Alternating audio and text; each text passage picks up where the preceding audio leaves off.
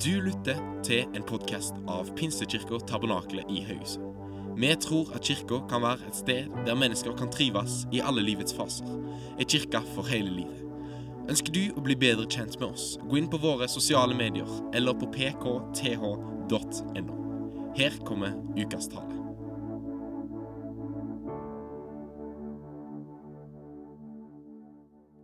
Fugl. Hvor mange av dere tenker på fugler sånn på jevn, jevn basis? Noen er opptatt av fugler. Altså, det er masse måter vi kan beskrive en fugl på. Men en fugl jo, kan jo fly. En sånn spesielt særtrekk med fugl er at de er flygere. Hva er en fugl om du fjerner vingene fra en fugl? En fugl som bare går, er jo en skygge av seg sjøl. Er det ikke det? Oss mennesker, derimot Hvordan skal vi beskrive oss mennesker? Hva er, hva er særegent oss? Det er mye vi kan trekke fram. Det er mye som er forskjellig. Men én ting er at oss mennesker vi er ment å være en ressurs for andre. På samme måte som en fugl er en skygge av seg sjøl når han flyr, ikke flyr, så er oss mennesker en skygge av oss sjøl hvis vi ikke er en ressurs til andre mennesker. Det er ikke meningen. Vi er ikke skapt for bare å være til for oss sjøl. Vi er ikke skapt for liksom kun oss. Vi er skapt for å ha en betydning for andre mennesker, for de rundt oss. Tenk på det. Og Det er litt der jeg skal peke oss inn i dag. For det er et budskap som jeg er helt overbevist kaller gjerne barnelærdom. Men er det noe som, noen grunnsannheter vi gjerne ikke klarer helt å tro på sjøl, selv, selv om vi egentlig vet det, så er dette en sånn typisk en. At du er faktisk skapt. Som, du er viktig for de rundt deg. Du er betydningsfull, og du er en ressurs. Og En tanke om noe annet er en direkte løgn fra avgrunnen. Du er skapt til å være en flyger. Du er skapt til å være en, en ressurs for andre mennesker. Det finnes ingen pensjonister i Guds rike. Ingen er for dum. ingen er for... Hva unnskyldning du enn skulle komme opp med. Alle er betydningsfulle. Du er viktig. Du betyr noe. Den grunnsannheten her det ønsker jeg å male et bilde. Jeg ønsker å bare kverne rundt det i dag. Er dere klar for det? Ja, så bra, da. Bare noen er klar for det. Bra dere kom dere fram i dag. da. For et himla vær det var i dag. Jeg måka jo bare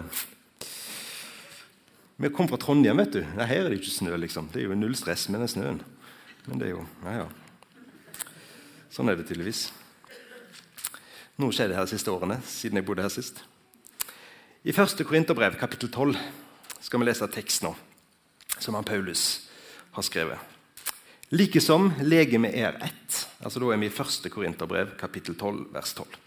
Likesom legeme er ett, selv om de har mange lemmer, og alle lemmene danner ett legeme, enda de er mange. Slik er det også med Kristus. For med én ånd ble vi døpt til hver ett legeme, enten vi er jøder eller grekere, slaver eller frie. Og vi fikk alle én ånd å drikke. Legemet består ikke av ett lem, men av mange. Om når foten sier fordi, 'fordi jeg ikke er hånd, hører jeg ikke med til kroppen', så er den like fullt en del av kroppen. Om øret sier 'fordi jeg ikke er øye, hører jeg ikke med til kroppen', så er det like fullt en del av kroppen. Hvis hele kroppen var øye, hvor ble det da av hørselen? Hvis det hele var hørsel, hvor ble det da av luktesansen? Men nå har Gud gitt hvert enkelt lem sin plass på legemet slik han ville det. Hvis det hele var ett lem, hvor ble det da av legemet? Men nå er det mange lemmer, men bare ett legeme. Øyet kan ikke si til hånden 'Jeg trenger deg ikke', eller hodet til føttene 'Jeg har ikke bruk for dere'. Tvert imot. De lemmer på legemet som synes å være svakest, nettopp de er nødvendige. De deler, kroppen, de deler av kroppen som vi synes er mindre æreverd, dem gir vi desto større ære. Og de deler vi blyges ved, kler vi med desto større sømmelighet. De andre trenger det ikke, men nå har Gud men nå har Gud føyd sammen legemet og gitt mer ære til det som mangler ære. For at det ikke skal bli splittelse i legemet, men alle lemmene har samme omsorg for hverandre. For om ett lem lider, lider alle andre med. Om ett lem blir hedra, gleder alle de andre seg. Dere er Kristi legeme, og hver av hver enkelt er deres, og hver enkelt er dere hans lemmer. Denne teksten her, Bak teppet på denne teksten her, og egentlig hele Korinterbrev som helhet, er jo at Paulus for det første, han er jo glad i denne menigheten. her. Altså Korintermenigheten, Han var med og starta den. Han kjenner disse folkene. Og han, han, er en far i troen for dem. Han oppdrar dem som en kjærlig far ville gjort. Han rettleder dem og korrigerer atferd som er gal. Forestillinger som de er ute og kjører med. Han, driver, han er en god far som rettleder dem. Og I dette her da, så er det jo tydelig at korinterne har blitt påvirka av deres tidsånd. Den tidas visdomslære. For og, og, sant, Det er jo forskjellig. Vi lever jo i en helt annen tid nå enn, enn korinterne gjorde. Og Det som de hadde med seg på den tida, det var det at de favoriserer ulike forkynnere, ulike nådegaver. Det blir liksom ikke bare det at de liker noen mer enn andre, men andre er på sett og vis viktigere, mer verdt det er liksom en lagdeling. Det er litt den tanken om at alle er like mye verdt, som kommer fram her i kroppen til Paulus. Grunnen for han sier dette her er jo fordi at de har ikke den tankegangen inne. Det er en fremmed tanke for dem. De er litt sånn opptatt av å blåse seg sjøl litt opp, kanskje. Klatre høyest opp på strået sitt og gjøre seg viktigere enn de er. og De trengs å dyttes litt ned. da. Og Da kommer jo Paulus med dette bildet her. Den kroppen. Fantastisk bilde. En utrolig bra illustrasjon på å forklare ja, men hallo, selvfølgelig er dere forskjellige, men alle er jo like viktige. Dere er avhengige av hverandre. For det er liksom sånn Paulus er jo litt der. Altså, hallo, nå har dere rota det til. Liksom, dere har blitt påvirka. Eh, dere, dere, tenker for høyt om dere sjøl. Dere som ser på dere sjøl som det viktigste, skjønner dere ikke at dere har klatra for langt opp på strået deres? Skjønner dere ikke at at disse andre her dere er like avhengige av hverandre. De dere tar for mindre viktige. Dere har ulike nådegaver, dere har ulike gaver, dere er forskjellige. Og dere kommer fra forskjellige nasjonaliteter, forskjellige klasser. Dere kommer fra forskjellige steder. Men altså, slutt med dette tullet her. Han trekker jo fram eksempler med øyet og føttene. For eksempel. øyet det var liksom så edelt. det. var liksom, Hvis du ville være et hvis du vil være ett kropps, eh, hvis du vil ha en kroppsdel, så ville du helst være øyet. Men ikke føttene.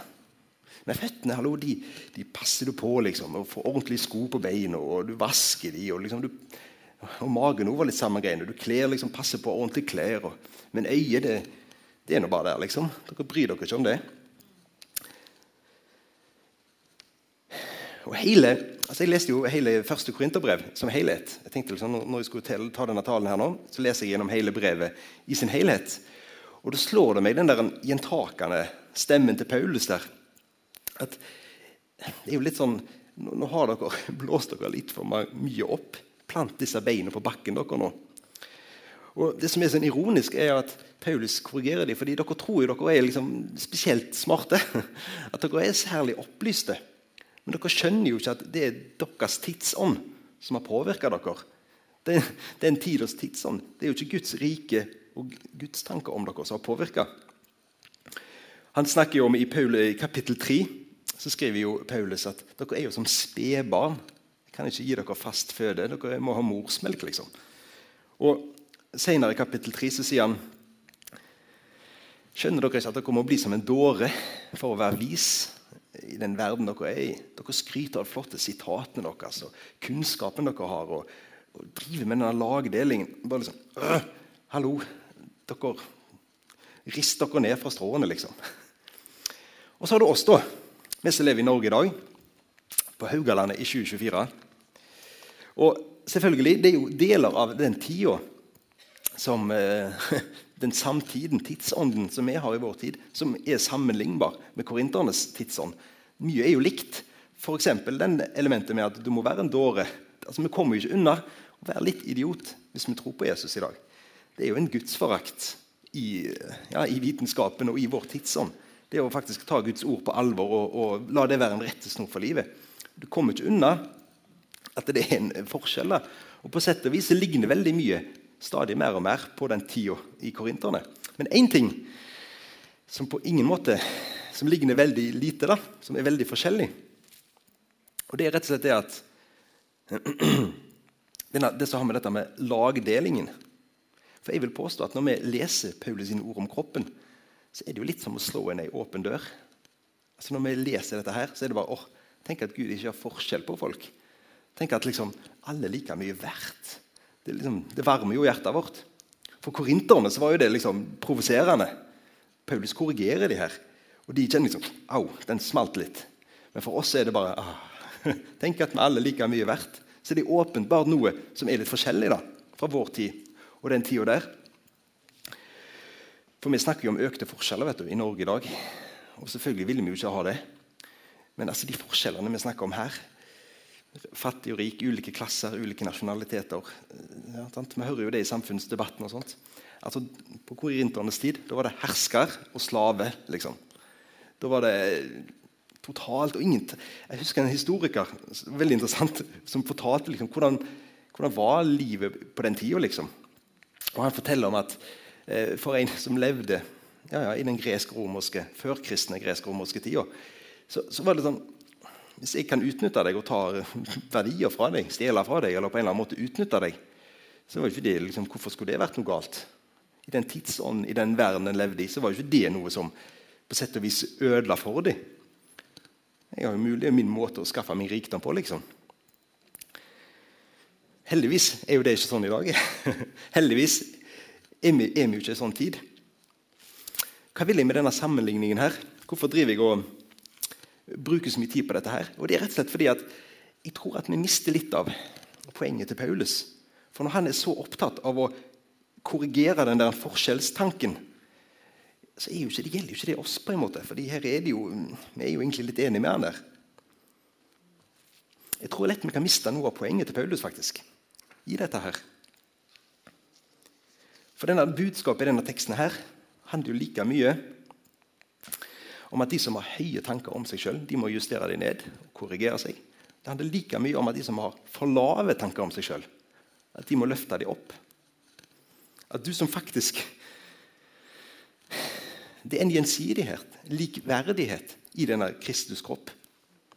Faktisk så vil jeg påstå at denne teksten her utfordrer sjenertheten, blygheten, litt den der passiviteten, kanskje, som vi gjerne kan kjenne på. Det at det gjør oss litt dummere enn vi er. Det at vi tar et steg tilbake, og liksom, i høflighetens navn så står vi liksom bare her. Den, jeg tror faktisk denne teksten utfordrer oss mer på det enn kanskje vi egentlig først tenker på. For det er jo akkurat det som er budskapet. Det er en gjensidig avhengighet. Denne teksten handler ikke bare om at vi har lik verdi, eller at vi har like mye rett til å stå på en medlemsliste til en kirke, eller at det grunnleggende sett ikke er forskjell på folk. Men det er en, en grunntanke av at det er en gjensidig avhengighet. Kroppen, Hva er en hånd uten, altså, som bare henger der liksom, til pynt? Jeg har en far som har trynt på isen, og han vet alt om det. Det er bare tull med en knekt hånd. Det er en meningen at det skal være en gjensidig avhengighet til hverandre. Jeg eksisterer ikke bare for meg sjøl. Jeg er en aktiv del av kroppen. Vi er en ressurs til hverandre. Meg og deg fra de andre kroppsdelene. Hvordan ser du på deg sjøl? Du skal liksom ta blikket innover og bare har du det bildet av deg sjøl? Sånn grunnsannheten. Er du som den ene kroppsdelen i kroppen som faktisk ikke bare er et vedheng, men faktisk en aktiv bidragsyter til fellesskapet, til kroppens helhet? Har du den grunnsannheten i bunn? Sitter den der støpt i bånn?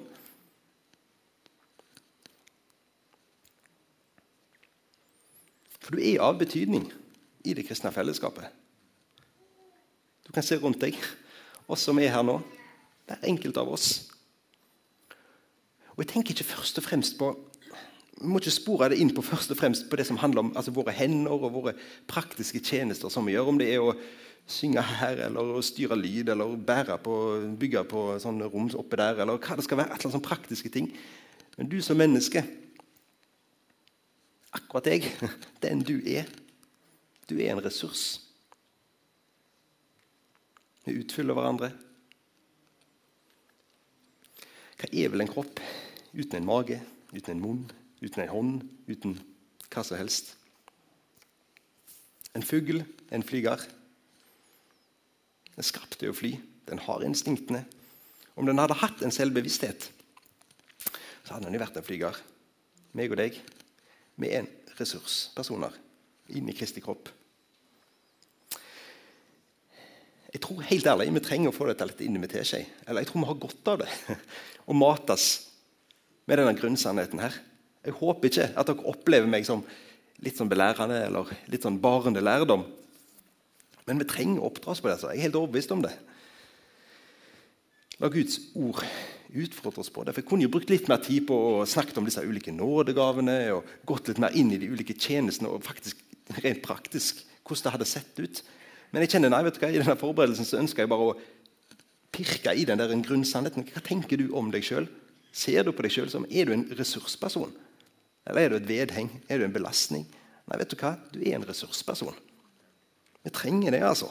Sorry for at det ble litt teskjemating i dag, men av og til må det være litt sånn. Korinterne hadde sin blindsone. Det har vi også. Jammen meg, altså. Og skal jeg være helt ærlig med dere, jeg tror vi haugesundere er faktisk verre enn de fleste. Helt ærlig. Når jeg flytta til Bergen for eh, ni år siden, noe sånt, så eh, hvis du flytter til Bergen Beklager, nå fornærmer jeg de som er fra Bergen her. Så er det advart. Så er det sånn Velkommen til Bergen! Det er liksom, her er Dette er verdens beste by i verden.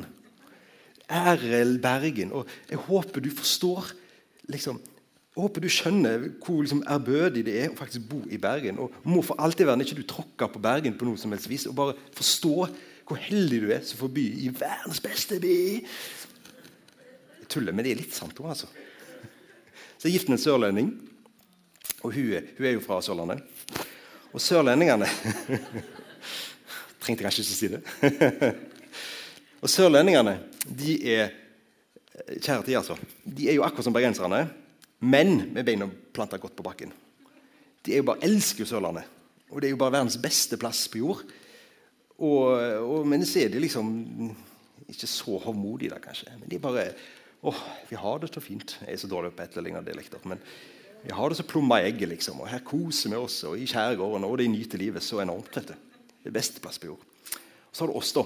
Haugesunderne. Eller haugalendingene. Når Malene flytter her til, vi flytta her for under et år siden og begynte jobb her nesten uten, Dette er ikke tull engang. Nesten uten unntak på jobben sa det 'Hvorfor flytta dere til Haugesund?'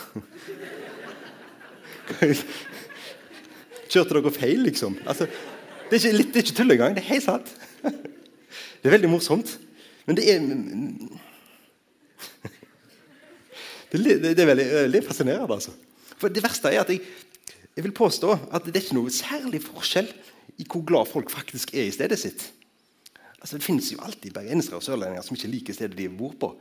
Og det finner, finner du her også, selvfølgelig. Men du skal liksom, du må ikke skryte for mye. da, på en måte. Du må liksom holde litt igjen. og Det er noe med liksom mentaliteten her. Tror du jeg bommer helt, eller? Kjenner dere det igjen? Ja, så bra!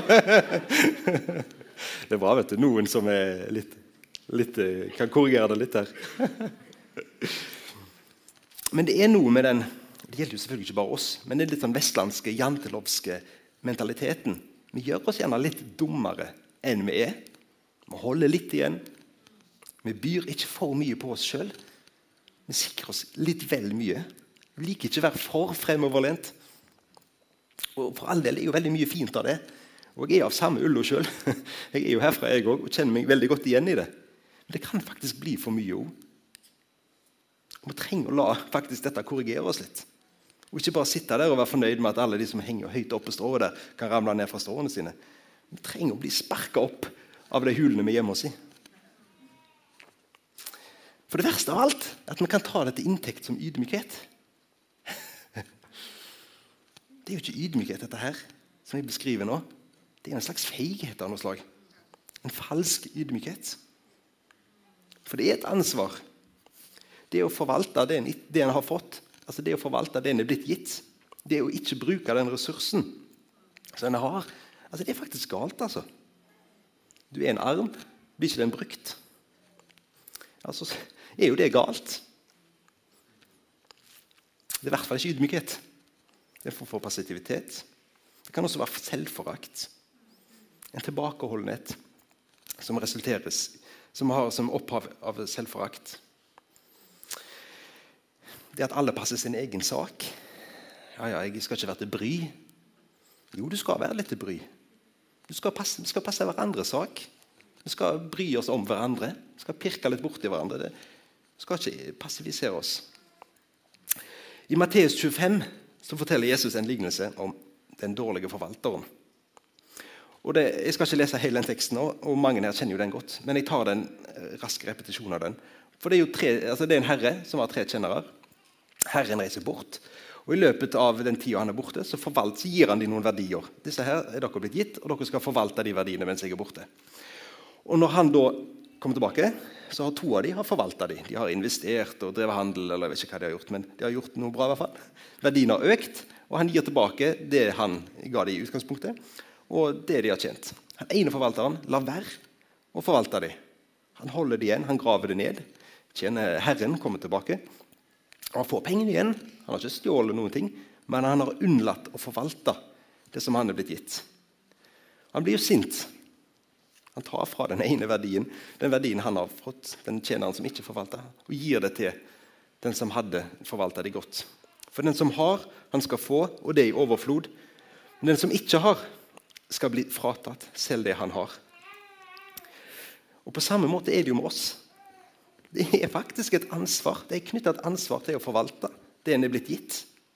Og du og meg, vi er en ressurs. Vi har et ansvar i å forvalte det. Og dette bør jo røre litt i oss. Det bør skape et visst alvor i oss. For gjør vi det? Forvalter vi det vi faktisk er blitt gitt? Er vi den ressursen vi er tenkt å være? Inni Guds rike, inni Kristi kropp mot menneskene? Er vi velsignelse for de som er rundt oss? Eller er vi egentlig mest opptatt av oss sjøl? Det er jo noen brutale spørsmål der som jeg tror vi alle har godt av å stille oss. Så møter vi selvfølgelig oss i døra, alle. Vi er jo ikke perfekte. Men det er en, dette er sida av bildet. Men hvorfor denne, unnlot denne forvalteren da, å, å, å, gi disse verdiene og, og forvalte dem? Derfor ble jeg redd og gikk og gjemte talenten din i jorden. altså gjemte verdiene. Jeg ble redd. Er det ikke det som ofte skjer der? En frykt som binder oss, som holder oss igjen, som passiviserer oss. Det er, liksom, det er noe ubehagelig, for det er jo ubehagelig å gi av seg sjøl. Å være den som stikker seg litt fram innimellom, og ta kontakt med mennesker. og Være den ressursen det er jo mye mer behagelig å ta ett steg tilbake, holde seg i bakgrunnen eller snike oss ned i den lille hula vi har laget oss. Det er jo det. Og Unnskyldningene det er jo så mange. Vi kommer med dem, og vi tror på dem òg. Det er det verste av alt. Jeg som har vært syk, aldri fått til arbeidslivet, har vært ufør. AS Norge går totalt i minus på meg. Jeg er ikke en ressursperson. Jeg er pensjonist. Nå har jeg gitt over eh, arbeidet til de yngre. Nå trer jeg ned. Jeg begynte å bli gammel. Hodet funker bare ikke lenger. Det går bare så sakte. Jeg henger ikke med. Eller mennesker er ikke mye greie. Greit nok, jeg kan bygge hus eller bygge praktiske ting og gjøre praktiske Ordne med noe Excel-ark og litt greier. Men jeg, men, mennesker er ikke mye greie. Det relasjonelle. Jeg mestrer bare ikke det. Jeg skulle bare visst hva jeg har opplevd i livet mitt. Hva jeg har blitt utsatt for. Altså, jeg er avdanka. Eller hva jeg har gjort. Alle livet om jeg kan være en ressurs. Og det er løgn tvers gjennom dere. altså. Og Vi tror på disse tankene, oss alle sammen. Det gjelder jo meg òg. Hele veien, altså. Du og meg, absolutt alle av oss, vi er lemmer på Kristi kropp. Vi er en ressurs inn mot hverandre på Kristi kropp. Og Jeg tenker ikke på dine hender sånn først og fremst. at liksom, alle skal gjøre en viss innsats liksom, for å bygge dette huset. Veldig sånn bokstavelig. Nei, det er ditt ansikt, det er ditt smil, det er din tilstedeværelse. Det at du står her og lovsynger sammen med fellesskapet. Det at du ber fordi du har rundt deg. Det er det at du tenker på å ringe en telefon, sende en melding. Det at du er med i rekken her. Du er en ressursperson, og du trengs i fellesskapet. Og måtte ingen fortelle deg noe annet. En fugl er skapt til å fly, og du er skapt til å være en ressurs og bidragsyter i de rundt deg.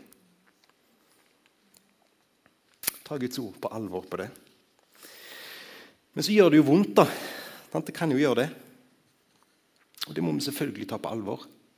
Iblant så gjør det ordentlig vondt. Om et lem lider, så lider hele kroppen, leste vi i stad. Og du trenger jo bare å slå ei tå skikkelig. Det er ikke verre enn det. Så kjenner du jo at kroppen blir satt ut av spill. da. Og vi opplever ulikt selvfølgelig ting som gjør at vi blir slått ut. da. Over lang tid òg iblant. Men selv om du lider, selv om du er i en tid av at ja, ja, nå jeg bare, har jeg nok med bare å puste for å holde det gående Uansett hvor du er, husk aldri hvem du er, eller hva du er. Altså, det finnes ingen blindtarm på Kristi kropp. Noe du bare kan operere bort når det er plagsomt, liksom, og så er det ferdig med og så er det borte vekk. Men vet du hva? Vi er alle et betydningsfullt del av fellesskapet. Du er i din natur betydningsfull. Du er en ressurs. Og Det vil aldri endre seg. Den sannheten der den bør sitte som støpt i hjertene våre. Uansett hvor vondt du har det. Og Jeg tror det er sånn legedom i denne sannheten. her, dere. Helt ærlig, altså. Hadde vi sånn oppriktig trodd på det Selvfølgelig skal vi bli, skal liksom ikke yte over evne når du, du må trene opp et lem som er ødelagt. Har du knekt foten, så skal du liksom ikke springe maraton dagen etterpå. Liksom. Altså, alle, vi skjønner jo det. Og det, ta, det tar og til lengre tid enn en liker. Og det er ikke om å gjøre at nå må du prestere. liksom, og alt dette her. Men bare den der grunnsannheten av at ja, men jeg er en ressurs. At det står støpt inni oss. Jeg er sikker på at det er så mye legedom i det. altså. At det hjelper oss opp av møkker som kan sitte fast i. Tenk om vi faktisk hadde trodd det. At det var ikke tvil om det engang.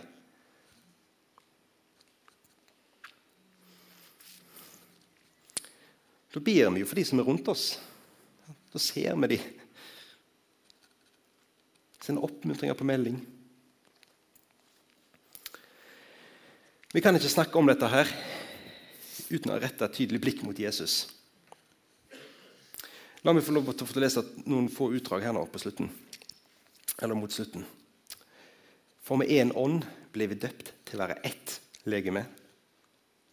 Vi fikk alle én ånd å drikke. Men nå har Gud føyd sammen legemet dere er Kristi legeme, og hver enkelt er dere hans lemmer. Altså det, Kroppen, dette legemet som Paulus beskriver, det er jo ikke et menneskelig verk. Det er jo i seg selv et mirakel. Finn den institusjon eller idrettslag eller hva enn det skal være, som faktisk får dette her til og som setter standarden der. Alle totalt forskjellige mennesker plutselig skal liksom være ett fellesskap. Og ja, som en kropp, da. Det er et mirakel. Og Da må, og da må vi huske på det Paulus sier. Vi er helt avhengige av å drikke av den samme ånd. Og Det er jo et helt nydelig bilde. For kroppen, altså, Vi blir døpt til denne kroppen. her. Kroppen holdes i live fordi vi drikker av den samme ånden. Ja, Slutt å drikke vann, liksom, så ser du hvordan det går. Vi trenger komme sammen, tilbe, tilbe sammen på gudstjeneste. Høre ordet bli forkynt. Det daglige andaktslivet. Det er Gud som føyer sammen kroppen. Det er Gud som gjør at lemmene på kroppen henger sammen. At det ikke bare er masse individuelle masse enkeltmennesker som går her og virrer, men som, som binder oss sammen. Det er det Gud sjøl som gjør. Det er Hans ånd som gjør det. Det er Jesus som ga livet sitt for oss. Han som sier til oss at vi ikke skal frykte. Han sier at han er med oss. Det er han som forteller oss at vi er uendelig verdifulle. Vi er ikke redusert til et middel for å nå et mål. Nei, menigheten, vi er Jesu kropp. Vi tilhører Han. Det er i det fellesskapet vi får lov til å ta del i. Og i Hans nåde så kan vi få lov til å være en del av det. Ja, Da er vi en ressurs mot hverandre. Vi er til for Jesus, og vi er til for hverandre. For det er jo Jesus Altså, det, er jo, det, er jo, Guds nærvær, det er gudstilbedelsen som virker sammen med oss her. Det er Den hellige ånden som pirker i samvittigheten vår når vi plutselig kjenner på, tenker på en person. Når vi sitter hjemme. Kanskje jeg skal ringe den personen høre hvordan det går. Han som, Den hellige ånd som banker i oss. Plutselig kanskje neste helg når evangeliesenteret kommer. eller når Halvard er her og forteller om Ukraina, eller når du hører om Barnekirken, eller hva det skal være, så kjenner du liksom her, her bør jeg legge, her er det noe. Her tror jeg Gud leder meg inn i en tjeneste. Det er Den hellige ånd som driver og minner oss på folk som vi kan be for, legge fram. Dette er, det Jesus, dette er Jesus' verk. Dette er Guds verk. Og han oppmuntrer oss til å ta del i det. Budskapet i dag har jo handla om at vi er en ressurs til hverandre. Vi er til for hverandre. For hva er vel en fugl uten vinger? Selv om livet hamrer mot oss, ikke glem det, altså. Vi er en del av Jesu kropp på jorda. Og vi er en ressurs til hverandre. Vi er et fellesskap som utfyller hverandre. I vår ulikhet, ulikhet så utfyller vi hverandre. Og måtte den sannheten stå støtt i oss. Måtte den bare være så Måtte vi bare aldri tvile på det, altså. Den onde lurer oss til å tro det verste ting, altså. Jeg har lyst til å be en bønn eh, før eh, altså Lovsangerne kan bare gjøre seg klar. Så kan vi ta en lovsang og lovsynge litt etterpå òg. Men jeg kjenner jeg har lyst til å eh, Kanskje vi bare reiser oss opp alle sammen? Så jeg har lyst til å bare be en, en bønn for oss alle sammen. Kjære Jesus, takk for at du er til stede her nå, Jesus. Og jeg ber deg eh, mer enn alt nå, Jesus, må, må vi forstå må vi må se på oss sjøl sånn som du ser på oss, Jesus. Som dine elskede barn. Og at vi er på alle mulige måter vi er betydningsfulle i din kirke, Jesus, i ditt fellesskap, Jesus, i din, i din kropp, Jesus. Det finnes ingen blindtarm, det finnes ingen som er oversett. Og alle er av betydning, Jesus. Måtte den grunne sannheten bare sitte støpt i oss, Jesus. Hjelp oss til det, Jesus. Jeg ber deg konkret om det i dag, Jesus. Amen.